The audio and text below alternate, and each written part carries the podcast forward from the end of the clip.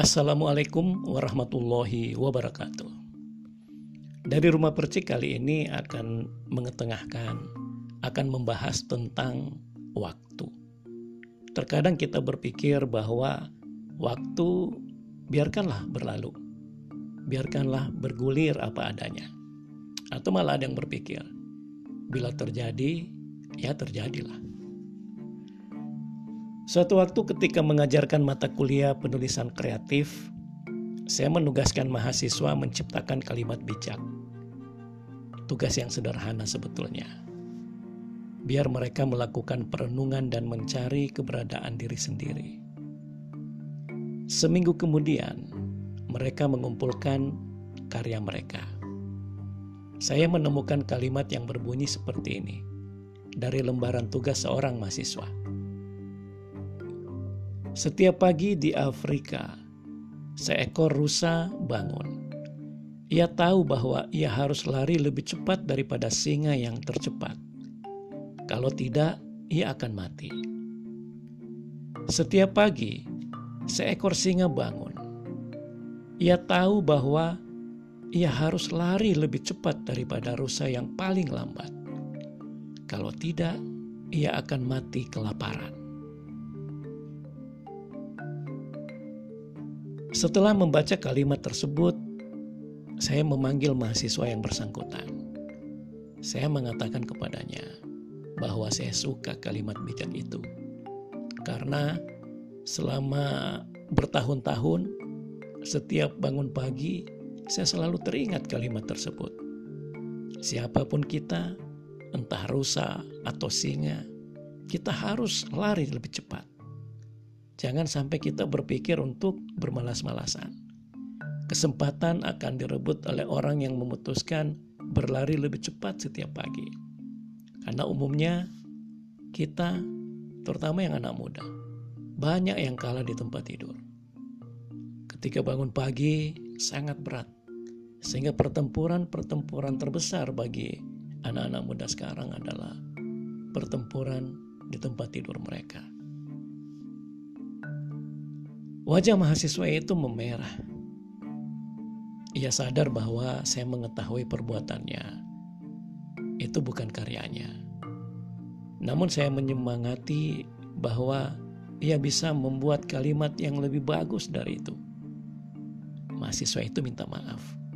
Kemudian berjanji dan membuat karya sendiri.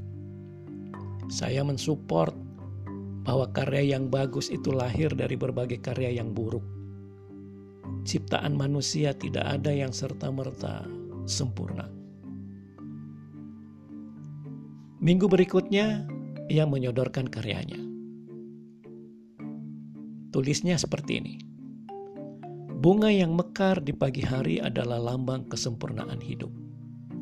Kupu-kupu menjadi lambang perjuangan.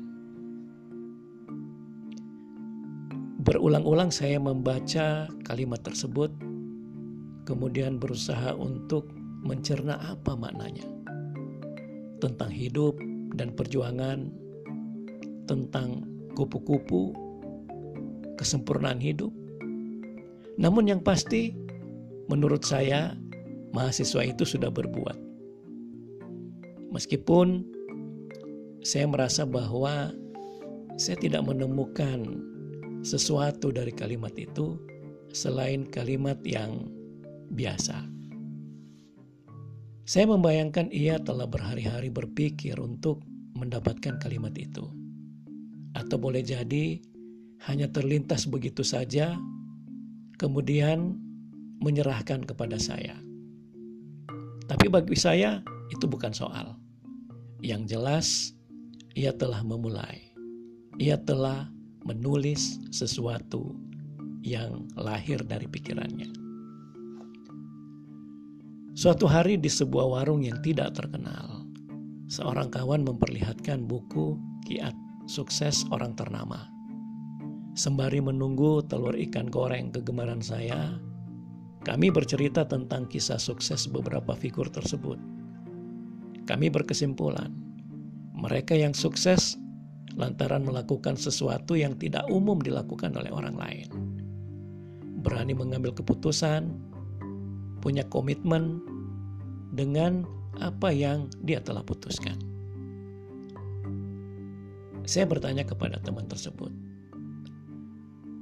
malam tadi, apakah sudah ada di dalam pikiranmu apa yang akan kamu lakukan pada sepanjang hari ini?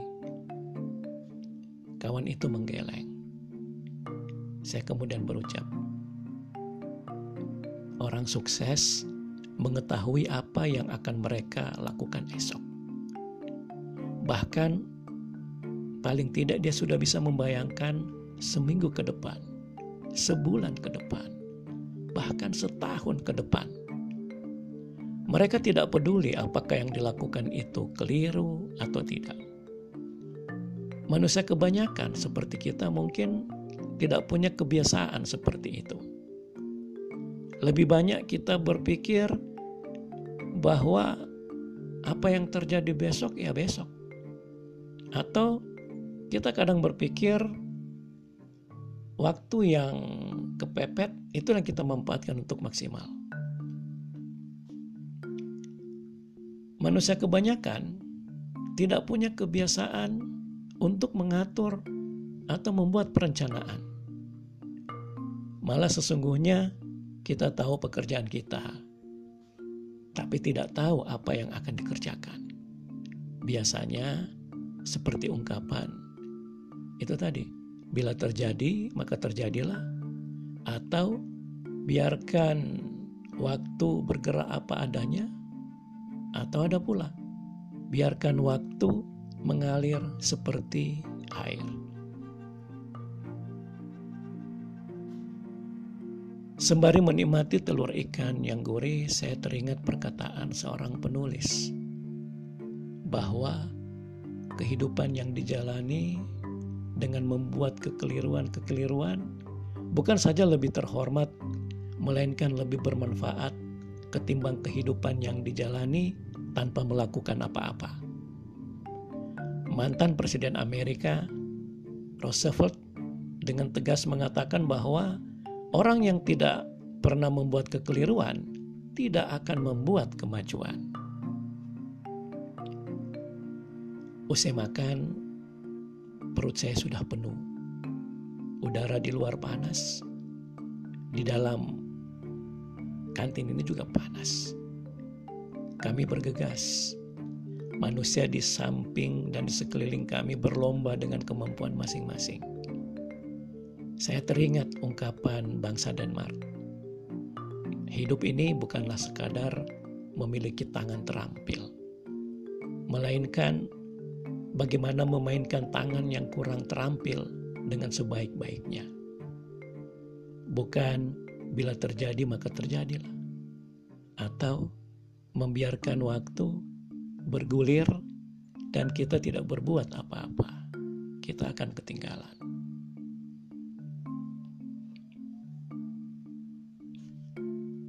Demikian pembahasan dari rumah percik kali ini. Semoga ada manfaatnya. Wassalamualaikum warahmatullahi wabarakatuh.